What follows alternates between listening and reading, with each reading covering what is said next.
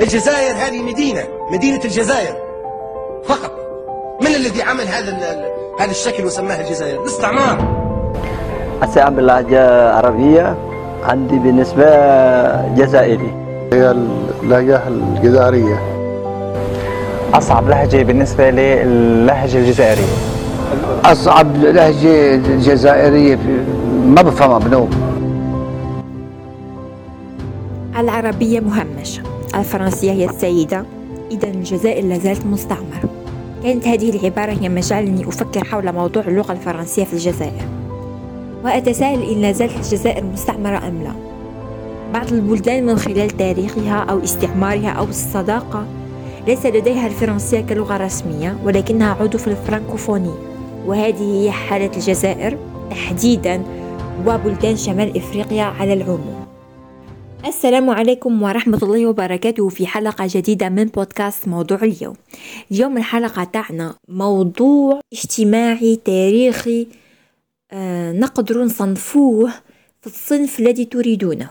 موضوعنا اليوم لماذا الجزائريون ما زالوا يستخدمون اللغة الفرنسية إلى حد الآن رغم الظلم الاستعمار الذي تعرضوا عليه؟ فحقيقة تعاني اللغة العربية في الجزائر من هجر وعزوف من طرف العامة وبات استعمالها يقتصر على نخبة, على نخبة المجتمع في بعض المحافل السياسية والإعلامية فقط. فعلى الرغم من أن الكثير من المصطلحات الجزائريين من الفصحى إلا أن الإشكال يكمن في الألفاظ الفرنسية والتي كثر استعمالها في التخاطب اليومي بين الجزائريين. وهي حقيقة في تصاعد رهيب لدرجة باتت فيها لغة الجزائريين غير مفهومة لدى العديد من الشعوب العربية. فمؤخرا عقب إقصاء المنتخب الجزائري من كأس العالم الكثير من البلدان الإفريقية والكثير أيضا من المشارقة هاجموا الجزائريين من خلال اللغة وأنهم أتباع فرنسا ويتساءلون دائما عن عروبية الجزائريين فمثلا وجدت مقالا مؤخرا كتبه عراقي مقدمته كالآتي دائما تكون فرنسا الوجهة الأولى للسفر بالنسبة للجزائريين فهل هذا نتيجة لإتقان الفرنسية أم نتيجة التأثر الشديد بالاحتلال؟ هل أثر الاحتلال الفرنسي إلى هذا الحد على الثقافة هناك؟ أليست فرنسا مجرد عدو محتل بغيض؟ فعلى سبيل المثال لا الحصر أليست الجزائر بلد المليون شهيد والفرنسيون عليهم لعنة الله كانوا فخورين بإراقة الدماء وكانوا فخورين بمناظر الموت والجماجم لدرجة أنهم أصدروا عملة ورقية بها صورة الجماجم من الشهداء لأشقائنا الجزائريين هل تنازل أشقاؤنا الجزائريين عن دماء شهدائهم وكفاحهم عن بلادهم؟ من خلال كل هذه التعليقات وكل هذه المقالات التي كانت تدور دائما عن لغة الجزائريين أردت حقيقة البحث. لماذا ما زلنا نتحدث اللغة الفرنسية على الرغم من كل ما حدث؟ لنبدأ على بركة الله. الجميع يعلم أن فرنسا احتلت الجزائر لمدة 132 سنة. وخلال هذه الفترة اتبعت فرنسا الاستعمارية سياسة ممنهجة لطمس الهوية الجزائرية. فأولا بعد سياستها الهجومية أدركت أن الجزائريين لا يخضعون للهجوم وأنهم كانوا يقاومون كل مرة. فاتجهت إلى محاولة طمس الهوية الجزائرية وذلك بممارسة المسح الثقافي واللغوي الذي ارتكن إلى محو الشخصية الجزائرية التي تكونت بفعل التراكمات التاريخية. ومن ذلك ضرب اللغة العربية التي تعتبر ركيزة أساسية وإحدى مقومات الشعب الجزائري التي توحده. وجعلوا التعليم باللغة الفرنسية. ففرنسا تنظر إلى لغة مولير على أنها أداة نفوذ ثقافي يعززها نفوذها السياسي والاقتصادي في مستعمراتها. ففرنسا خلال احتلالها الجزائر حاولت بشتى الطرق مسح الهوية الإسلامية من الجزائر. كما ذكرنا في البودكاست السابق أن فرنسا دائما ما كانت تحاول هدم المجتمع الجزائري من خلال اللغة ومن خلال الذهاب إلى أعمق نقطة وهي الحجاب. حيث قضى المستعمر الفرنسي على التعليم العربي ونفى المعلمين واستولى على أملاك الأوقاف التي كان التعليم بفضلها يقف سدا منيعا في وجه الأمية بالجزائر. كذلك فقد هدمت المساجد والمدارس واستبدلتها بالكنائس واللغة الفرنسية وقتلت أيضا طلاب العلم ومشايخ المساجد بهدف إحداث خلخلة في النسيج الاجتماعي وطمس هويته ومعالم شخصيته العربية. ومن هنا نفهم أن طبيعة الاستعمار الفرنسي كان ذكي حيث ذهب إلى أعمق نقطة في المجتمع الجزائري أين اللغة أين الإسلام؟ أين العروبية؟ وغيرت. في سنة 1962 تحقق الهدف العسكري من ثورة التحرير الوطنية واستقلت الجزائر إلا أن بناة الدولة الوطنية وجدوا أنفسهم في حرب جديدة ألا وهي حرب الهوية. فالمستعمر الفرنسي قد خرج رسميا من البلاد إلا أنه استطاع غرس ثقافته بالقوة هناك. تمكن من فرض لغته وإقصاء اللغة العربية التي أصبحت على الهامش. فاستيقظ الجزائريون غداة الاستقلال على هول معركة أخرى. معركة إعلاء اللغة العربية وإرجاعها إلى سالف عهدها بعدما عرفته من تراجع خلال فترة الاستعمار الطويلة للبلاد. فلمدة طويلة جدا من الزمن كان الجزائريون تحت الاحتلال أو الطغيان. الطغيان الفرنسي يتحدثون فقط الفرنسية. كان ممنوع التحدث أو التعليم باللغة العربية بتاتا. إلا أن بناة الوطن بعد الاستقلال بدأوا أولى محاولاتهم للانفكاك من اللغة الفرنسية. ففي سنة 1963 نص دستور البلاد الجديد على أن العربية هي اللغة الرسمية للبلاد. ويوم 26 أفريل 1968 صدر أول الإجراءات العملية للأمر الرئاسي المتضمن إجبارية معرفة اللغة العربية على كافة الموظفين. بعدها بسنتين تقدم الرئيس هواري بومدين خطوة أخرى بإصداره أمرية جديدة بوجوب تعريب وثائق الحالة المدنية ونقل كل السجلات العائلية من الفرنسية إلى العربية.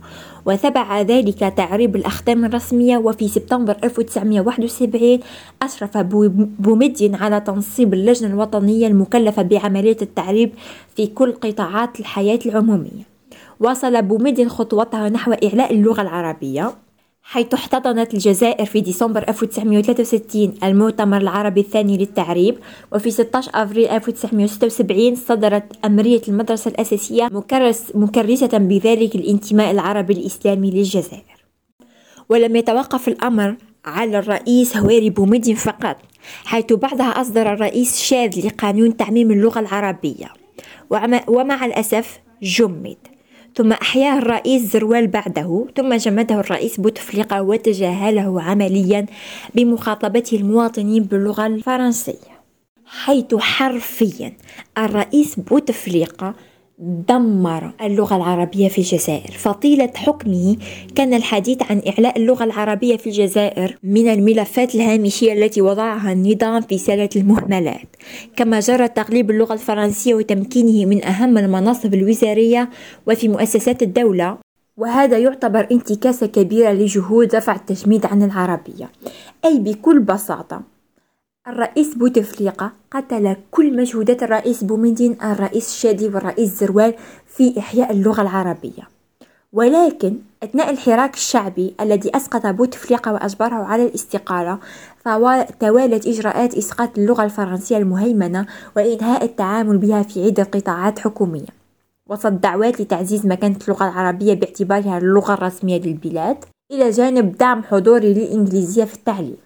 أي أن وأخيرا الشعب الجزائري استفاق من بأن اللغة الفرنسية لن تأخذه إلى أي مكان خاصة في المحافل الدولية أين لا يوجد رائحة للغة الفرنسية. فالفرنسيون بحد ذاتهم يستعملون اللغة الإنجليزية في المحافل الدولية.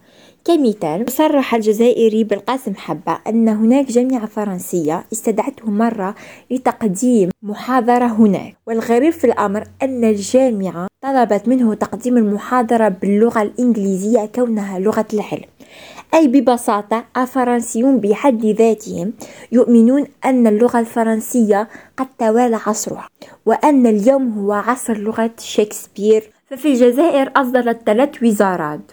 أمر تهميش اللغة الفرنسية وهي وزارة التكوين المهني وزارة الشباب والرياضة والعمل واستخدموا العربية حصرا في جميع المراسلات والتقارير ومحاضر الاجتماعات والوثائق. كما تم إصدار تعليمات بإنهاء التعامل باللغة الفرنسية داخل القطاعات الحكومية. إلى الآن تحدثنا فقط عن الجانب التاريخي للغة الفرنسية في الجزائر. لم نتحدث عن الأسباب التي تجعلها راسخة إلى الآن. فعلى الرغم من الجهود المتواصلة للتخلص من اللغة الفرنسية في الجزائر. ما زالت هذه الأخيرة مهيمنة في هذا البلد العربي. فكل الوزارات تستعمل اللغة الفرنسية في أغلب مراسلاتها الداخلية وحتى في بياناتها الرسمية. فلنكن واقعيون اللغة الفرنسية هي الأكثر استخداما في الجزائر منذ عقود. إذ تهيمن على أغلب التعاملات الرسمية داخل المؤسسات العمومية. كما يكثر استعمالها أيضا في التخاطب اليومي بين الجزائريين. فبالفعل على الرغم من خروج فرنسا رسميا من الجزائر إلا أنها احتفظت بنفوذ معين هناك فإن بعض الكلمات التي يستخدمها الجزائريون هي من أصل فرنسي. وفي المقابل هناك أيضا كلمات من اللهجة الجزائرية دخلت اللغة الفرنسية مثل كلمات كيف كيف التي يستخدمها الفرنسيون اليوم في الدارجة الفرنسي ففي الجزائر تنتشر الفرنسية على نطاق واسع جدا فالجزائر تعد أكبر دولة ناطقة بالفرنسية في العالم. وهي ليست اللغة الرسمية لها. تعتبر الهجرة أيضا عامل قوي في انتشار اللغة الفرنسية. فالعديد من العائلات الجزائرية لديها أقارب في فرنسا. وفي كثير من الأحيان هناك آباء جزائريون يحملون الجنسية الفرنسية منذ الاستعمار الفرنسي. ففي وقت الاستعمار الفرنسي كان هناك جزائريون قد استطاعوا أخذ بطاقة الذهاب إلى فرنسا. من هناك بدأت العلاقات الفرنسية الجزائرية تصبح أكثر صلابة. فعلاوة على كل هذا ظلت فرنسا شريك الاقتصاد الرئيسي للجزائر وللكثير من الدول الإفريقية سواء العميل أو المورد وهو ما يفسر سبب عدم قدرة اللغة الإنجليزية على المنافسة حقا في دول شمال إفريقيا.